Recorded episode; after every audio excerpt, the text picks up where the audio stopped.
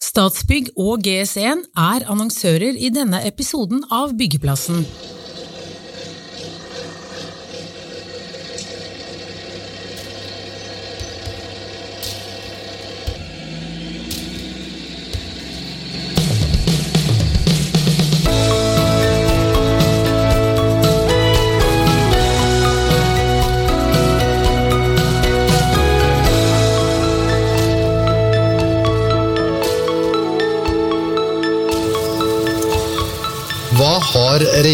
Regjeringskvartalet R4, Lambertseter sykehjem, Refstad skole og Tøyenbadet til felles? Jo, de er noen av prosjektene som har gitt brukte byggematerialer til landets første ordentlig store ombruksprosjekt, Christian Augusts gate 13.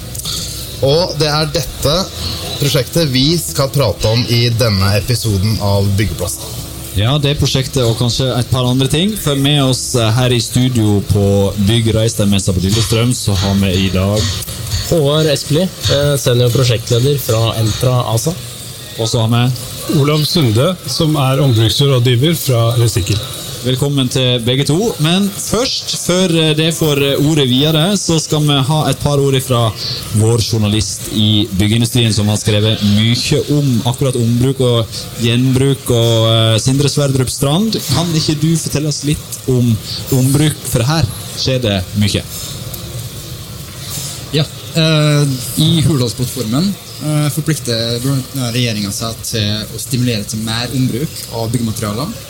Eh, så det er en konkret del av den nye Støre-regjeringa sin, sin plattform.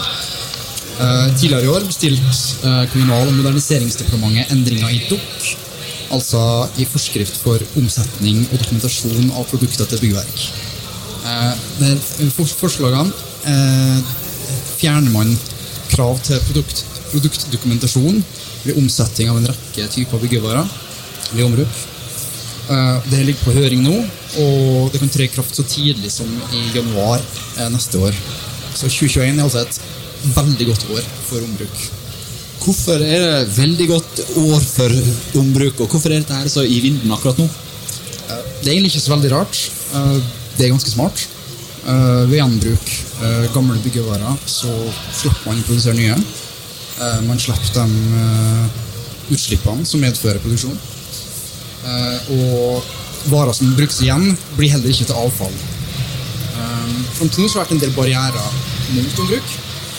I tillegg til regelverket så er det en del praktiske hensyn.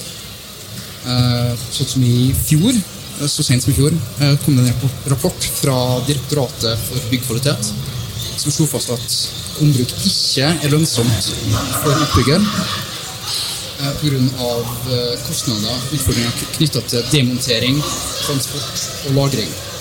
Men eh, vi har mange aktører som vier drifta si til å løse akkurat de her utfordringene, så regnestykket er veldig annerledes i dag. Spennende tider for ombruk. Og Vi skal prate mer om utfordringene med ombruk, men først Håvard, kan ikke du fortelle oss litt mer om eh, prosjektet deres Christian Augusts gate 13?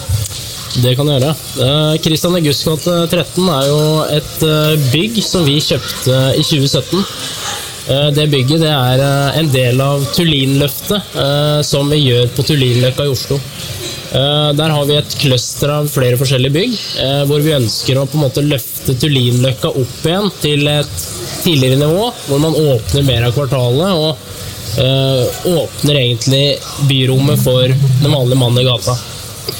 Eh, og Christian August gate 13 er et bygg fra 1950-tallet eh, som vi ikke visste helt hva vi skulle gjøre med. Eh, vi så både muligheten for å beholde det som det sto, rive det, eller bygge et nytt bygg.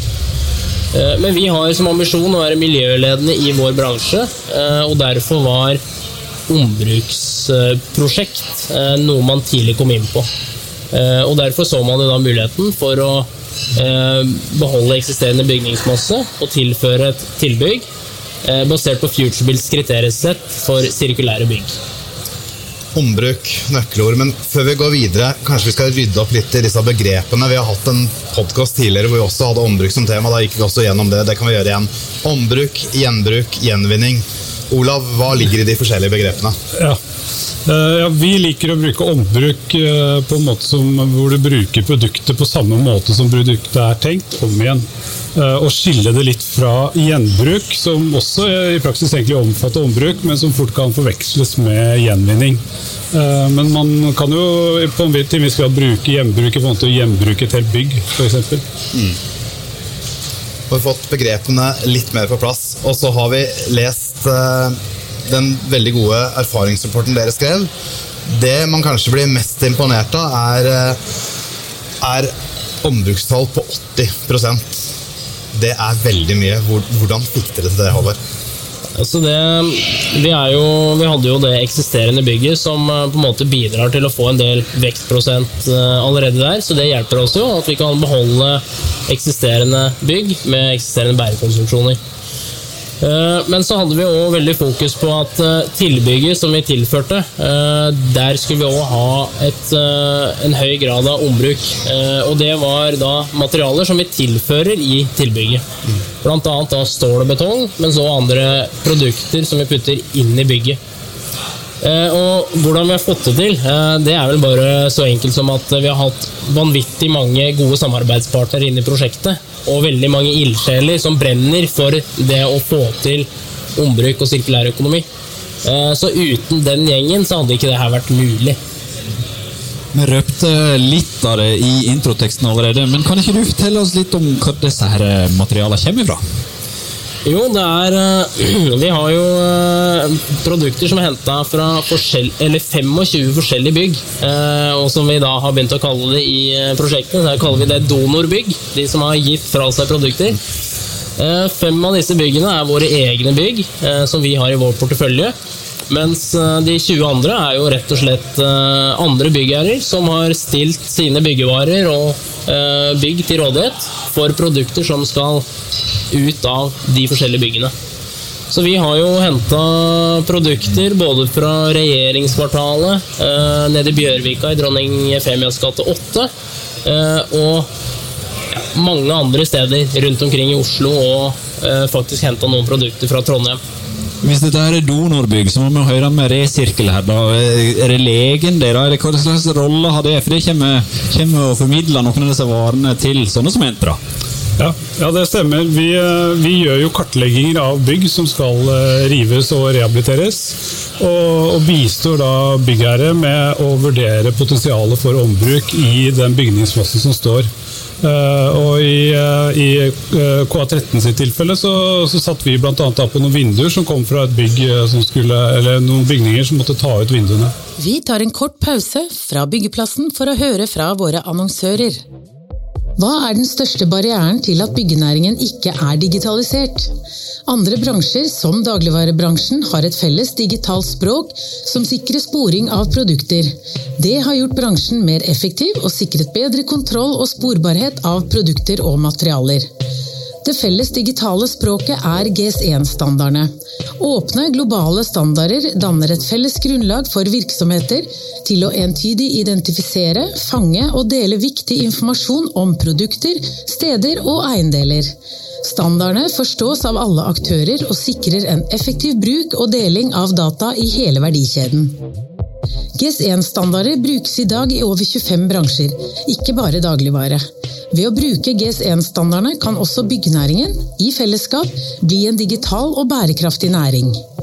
GS1 Norway er en brukerstyrt, not for profit-forening som i 50 år har utviklet, vedlikeholdt og tilbudt globale standarder for effektiv vare- og informasjonsflyt. GS1-systemet leverer det felles digitale språket som forstås i verdikjeden, på tvers av bransjer og på tvers av landegrenser. Og da er vi tilbake på byggeplassen. Og så vet vi at det er mulig å gjøre kupp hvis du går på et loppemarked for eksempel, og finne en eh, fin, gammel ting som kan brukes på nytt. Og Rasjonelt sett så skulle de kanskje tro at det ble billigere å gjenbruke byggevarer. og sånn. Og Er det sånn i et byggeprosjekt à la det de hadde gjort eh, med KA13? Nei, Også per dags dato så er, eh, er det krevende å drive med ombruk. Spesielt, spesielt en del eh, produkter som du putter inn, må du kvalitetssjekke på flere forskjellige måter.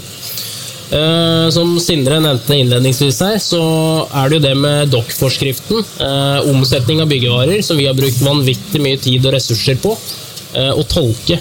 Eh, hvor eh, Hvordan skal vi klare å få produkter eh, til vårt bygg uten å bryte regelverket? Det er jo det eh, som vi har jobba mye for. For hadde vi gått mot regelverket, så hadde jo ikke det prosjektet her vært bærekraftig eller gjennomførbart. Eh, så vi har brukt mye ressurser på det.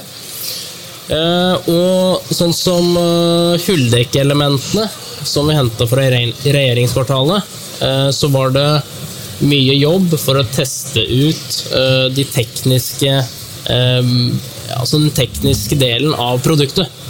Eh, nå ble ikke produktet sendt til Trondheim, som noen eh, tidligere har uttalt eh, her, men de sendte kjerneprøver fra hulldekkene til Trondheim for å sjekke kvaliteten på betongen.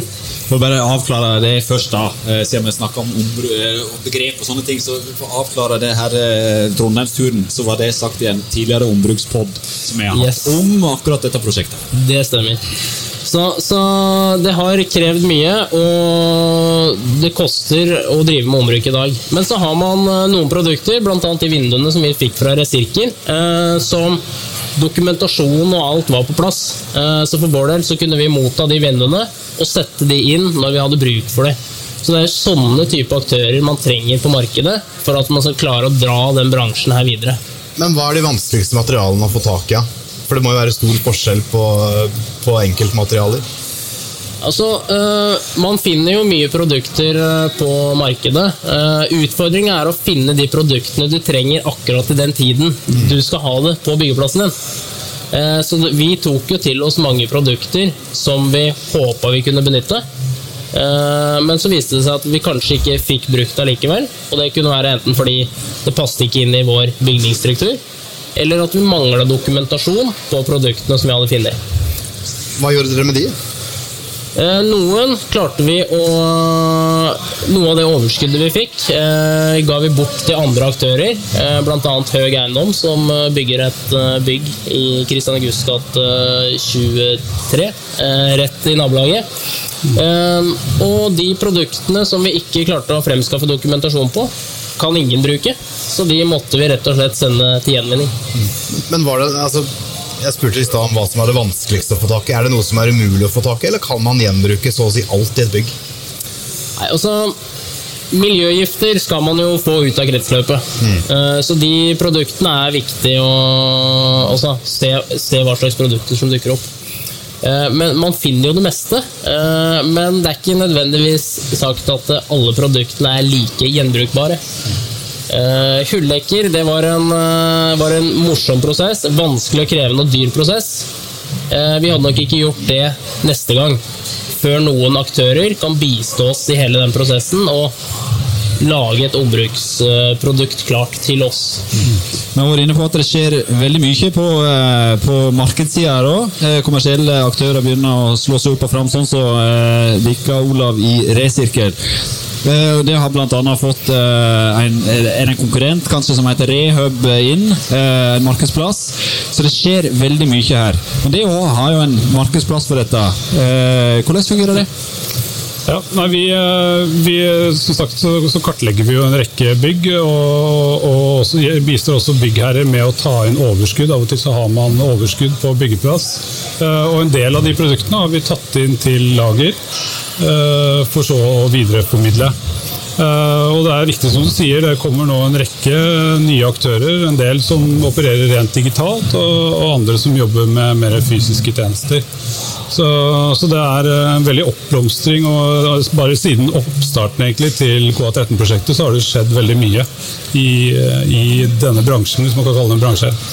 Men Fortell litt hvordan dere går fram når dere kartlegger hva som kan brukes i bygg. Ja, det vi gjør da, det er egentlig en befaringsbasert eh, kartlegging, hvor vi eh, gjør, et, eh, gjør, en gjør en besiktigelse av hva som finnes av produkter, og prøver å gi de informasjon. egentlig, og Det er jo det som skiller avfall fra et brukeringsprodukt, er at du har informasjon om produktet. Mm. Og så bygger vi opp informasjonen rundt produktet, og ser også da videre etter dokumentasjon etter hvert som vi stiller ned til de som er ombrukbare. Og så har du selvfølgelig en del ulike kriterier som gjør at ting egentlig plukkes ut, sånn som helse- og miljøskadelig innhold og den type ting. Da. Som gjør at da fortsetter ikke reisen for dette produktet, men eh, da skal du ut av systemet. Men er, er det alderen på bygget som har noe å si for hvor gjenbrukbart det er? Altså hvor langt tilbake det er i forhold til å spore opphold? Ja, Det kan være en faktor, ja. Det å finne dokumentasjon. Det, og det er eh, ofte en utfordring på, på mange bygg. Det å rett og slett finne dokumentasjon på produktene som er brukt. Og så er jo De fleste bygg de er også rehabilitert flere ganger. Så selv om det er et gammelt bygg, så kan du finne relativt nye produkter både innvendig og i fasade. og sånne ting. Og så vet vi at eh, mellomlagring av eh, store byggevarer kan være en utfordring. Det har blitt trukket fram som en utfordring blant mange aktører i dette her, eh, markedet. Hvordan gjør en det? Ja, ja, vil du kanskje bostart? Men du kan begynne. Eh, Ja, Det er eh, definitivt en utfordring, for det har egentlig ikke vært noe tilbud rundt det å mellomlagre byggevarer. Eh, Men eh, nå jobbes det med prosjekter, bl.a. Sirkulær ressurssentral, som er et prosjekt hvor man søker å etablere et mellomlagringsmulighet for eh, Oslo og omegn. Hvordan ser det ut oppe hos dere? Eh, Hvis du skulle vise meg med bilde i ord her nå. Ja. Eh, Vi, vi hadde et lager som vi eh, brukte, og som eh, ble benyttet i forbindelse med Kristian Augusts gate 13-prosjektet også. Eh, Og så er, det, er vi ute av det lageret nå. Der gikk vår avtale ut. Så akkurat nå så er det lagret i konteinere for øyeblikket. Og så håper vi da på å få etablert dette nye lageret som vi jobber med å etablere nå. Hvordan merka dere dette med lagring i Kristian Augusts gate? Nei, altså det som er Utfordringa er jo å finne bynære lager. Man finner jo alltid lager eh, langt utenfor byen, men eh, man skal jo ha så kort transportvei som overhodet mulig for å holde klimagassutslippene nede. Eh, så vi, vi leide det vi kom over. Eh, Resirkel bistod oss eh, med noe lager. Vi hadde noe lager selv i våre egne bygg. Eh, men, men det var en av de største utfordringene. Og det å eh, klare å lagre det på den måten at det var enkelt å ta ut og inn når du trengte produktene. Så var det en stor utfordring. Det er åpenbart et av de store læringspunktene også, i et sånt prosjekt. Men hva er det andre eh, store aha-opplevelser har jeg opplevd i, i, gjennom denne byggeprosessen? Nei, altså Det går egentlig litt opp på I det prosjektet her har vi hatt veldig fokus på at ting skal være ombrukbart eh, i neste runde. Den dagen man skal demontere bygget, som vi liker å si eh, nå. Eh, så, så skal produktene være festa på en sånn type måte at de lett kan demonteres og gjenbrukes. Um, vi ser jo det at uh, ved å gå litt opp på kvaliteter på noen av produktene man putter inn, så man kjøper nye, så vil man på en måte òg gjøre ting lettere for ombruk uh, ved et senere tidspunkt. Eh, Du nevnte før vi gikk inn i studio her på Bygg Reis deg eh, noe toalett på eh, IKA 13. Eh, der de hadde en flisejakt rundt omkring. Du, det stemmer. Det var uh, interiørarkitekten vår som uh, er, er i det kreative hjørnet. Som uh, fant ut at det å finne brukte fliser, det er ikke så lett. Men de tok rett og slett kontakt med Bergersen Flis. Ringte de, og så sier de du, vi er på utkikk etter små partier med forskjellige fliser. Er det noe dere har på lager? Eh, og da var tilbakemeldingen at de hadde masse restsortiment som går ut og sendes til eh, rett og slett eh, på dynga. Vi fikk tilbud om å komme dit og plukke ut det vi ville ha for å kunne bruke det hos oss.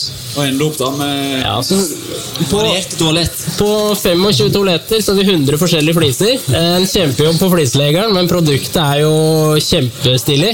Og det viser at ombruk ikke trenger, trenger å være gammelt. og så ser man nå det at eh, da våkner det en del eh, gründermiljøer, sånn som da flisleverandøren her. De så jo da en nisje. Altså Her er det faktisk Vi sitter med bra produkter som kan være omsettelige.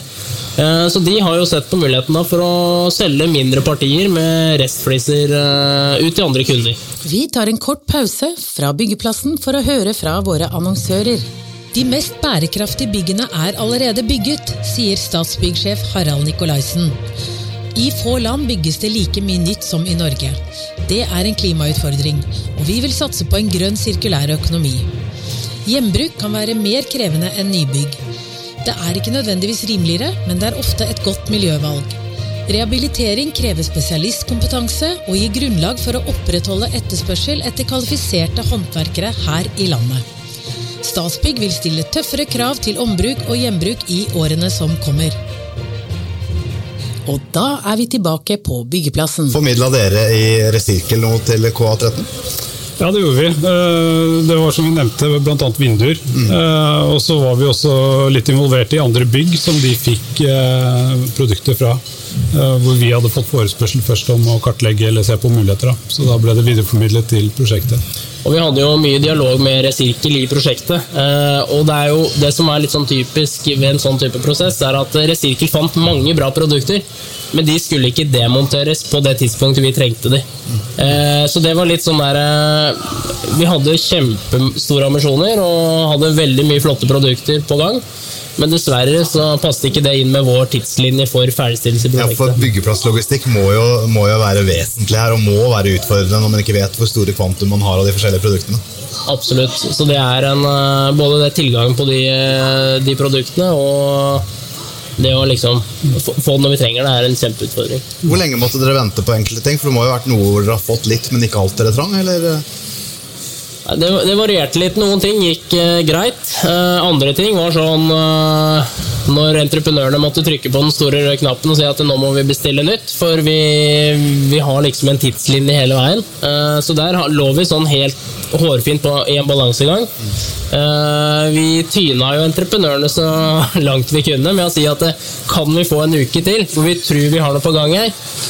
Og så ble det hele tida sånn at de, de var også veldig fleksible eh, for å se på muligheten for å skaffe brukte produkter. Det, det er mange barrierer ved ombruk av byggevare. Uh, Du har vært inne på dokumentasjon og sånne ting. Hvordan skal en hindre at f.eks. en eh, gjenbruker varer som en tror er trygge, men som viser seg i framtiden og kanskje inneholder for Hvis du skulle gjenbrukt asbest i dag, da, bare ta det som et eksempel. Eh, Hvordan hindrer en at en, eh, eller sikrer en at en bruker trygge varer? Ja, da er vi jo litt inne på det med dokumentasjon på produktene. Eh, man har ganske god oversikt over hva slags type produkter som er bra og ikke. Sånn som gamle bygg som står i dag, så vil det kanskje være eh, I betongen så vil det kanskje være noen miljøskadelige stoffer som står i eksisterende bygg. Men det er ikke farlig når det står der det står. Men det er den gangen du skal begynne å kverne det opp og fjerne det. Det er da det blir en miljøtrussel, og det er da du må få det produktet ut av kretsløpet. Men alt man tilfører, skal jo være fri for miljøgifter. Eh, og det er det Jeg kan jo Resirkel si litt mer om, men de, eh, det er det ganske god oversikt over hva som er farlig og ikke. Har du kontroll? Ja, Det er et veldig viktig tema som Håvard tar opp her. Det å faktisk bevare dokumentasjonen på de produktene man bruker når man setter inn i bygg. For det, det, er en, det er en generell problemstilling når du da vil ombruke det. At du rent faktisk ikke vet hvilket produkt det er. Dokumentasjonen forsvinner av en eller annen grunn i løpet av byggets eh, levetid. Det kan være at det blir solgt eller, eller andre årsaker. Så, så det er et veldig viktig tema, det å rett og slett bevare hva du har i bygget og, og, og den dokumentasjonen på de ulike produktene du har brukt. Da. Da kommer digitalisering godt med. Det gjør det. Og det, det er jo et veldig stort tema innenfor eh, ombruk. Det å, å rett og slett få digitale løsninger til å understøtte dokumentasjonen. Sindre var innom det innledningsvis. eh, Regjeringsplattformen, eh, dokumentasjon og, og den biten der som er det, det skjer ting, men i regjeringsplattformen så blir det tatt opp eh, konkret. Hva kan myndighetene da gjøre for å stimulere til mer ombruk? Ja, Det er et spørsmål til begge. Vi begynner med det, Olav. Ja, øh, ja, det tror jeg det er på flere områder. Det er selvfølgelig å, å ta tak i regelverket der hvor det ligger hindringer, øh, og gjøre det enklere for å få til ombruk. Øh, Og dette henger jo sammen med en større målsetning om å få til sirkulærøkonomi, hvor ombruk er jo en veldig sentral del innenfor byggenæringen. Eh, Men så er det jo eh, å rett og slett bidra til at prosjektet blir gjennomført ved hjelp av enten å stimulere, eller eventuelt om man trenger pisk for å få andre i gang, men spesielt stimuli for å få prosjekter til å bli gjennomført. Og Der kan det være ulike ting som å, å komme frem i køen i plan og bygg, eller om det er økonomisk stimuli eller andre ting. Da. For K13 er jo et foregangsprosjekt. Eh, vunnet masse priser. Var nominert til en pris her på Byggreisa, innovasjonsprisen. Har dere merka en økt pågang til brukte materialer i etterkant av det prosjektet? Ja, Vi merker en eh, generell økt oppmerksomhet rundt ombruk. Eh, og det, det, det skjer mer og mer, og vi ser også flere byggherrer som nå er mer offensive i sine prosjekter.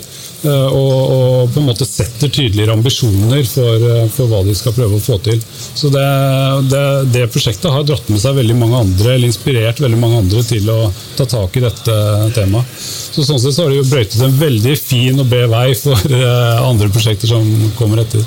Når skal dere bruke DN1 da? Nei, også Den skalaen vi har kjørt K13 i, det er nok ikke i nærmeste fremtid. I K13 så satt jo vi på hele verdikjeden når vi kjørte det prosjektet. Eh, leverandør, kontrollør, eh, entreprenør. Altså vi tok alle leddene.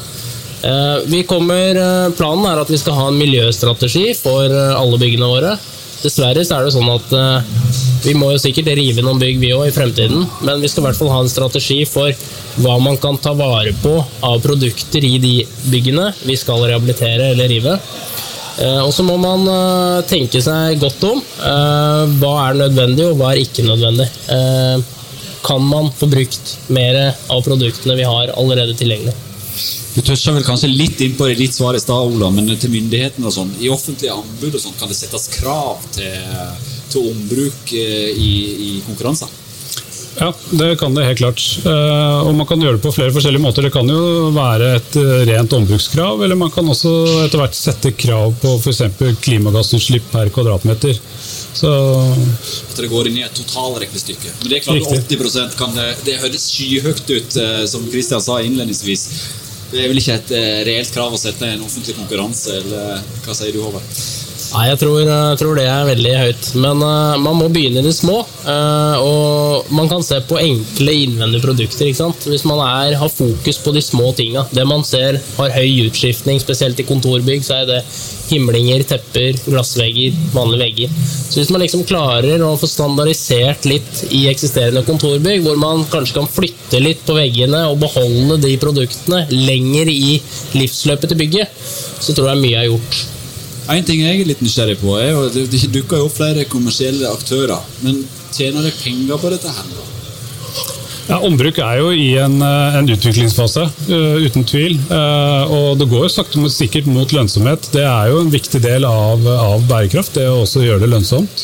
Så, men det er klart, hver gang du gjør en ny ting, så vil det alltid være litt dyrere enn en, en når du ikke har gjort det før. Så, så, det er jo en del som er prøving og feiling, og så etter hvert som man da lærer gode prosesser og rutiner rundt det her, så, så vil det etter hvert bli lønnsomt. Og da må Entra betale for sånne som deg?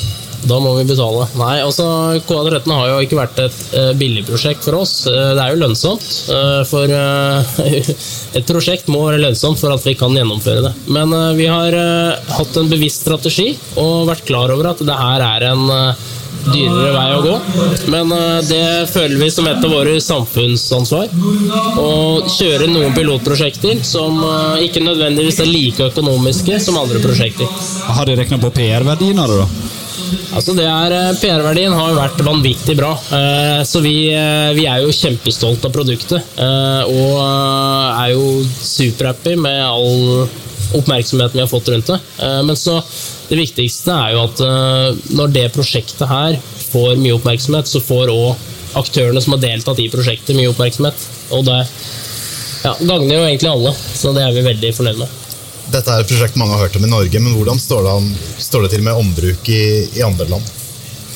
Det, det, er jo et tema som er på dagsorden i flere land. Eh, så tror jeg nok eh, K13-prosjektet utmerker seg også internasjonalt eller europeisk eh, som et banebrytende prosjekt, spesielt med tanke på ombruk. For det er, det er ulike typer prosjekter som har vært gjort. Du har type redesign og upcycling og ulike andre varianter også. Så, men dette er jo et tema som foregår også godt utover Norges grenser, vil jeg si. Så mange muligheter til å komme tilbake til dette i senere episoder av Byggeplassen, kanskje, Frode? Jeg tipper vi kommer til å gjøre det. Vi har jo allerede et par på under beltet nå. Eh, da er det vel på tide å si tusen takk for uh, lyttingen og, praten her fra Bygg Reisdeg på Lillestrøm. Vi uh, kommer tilbake til nye episoder fra vårt eget studio om ikke altfor lenge. Om det blir ombruk eller andre ting, det får vi nå se. Det har vi en plan på. Da sier vi tusen takk for oss, og tusen takk for at det kom som gjester. Statsbygg og GSN var annonsører i denne episoden av Byggeplassen.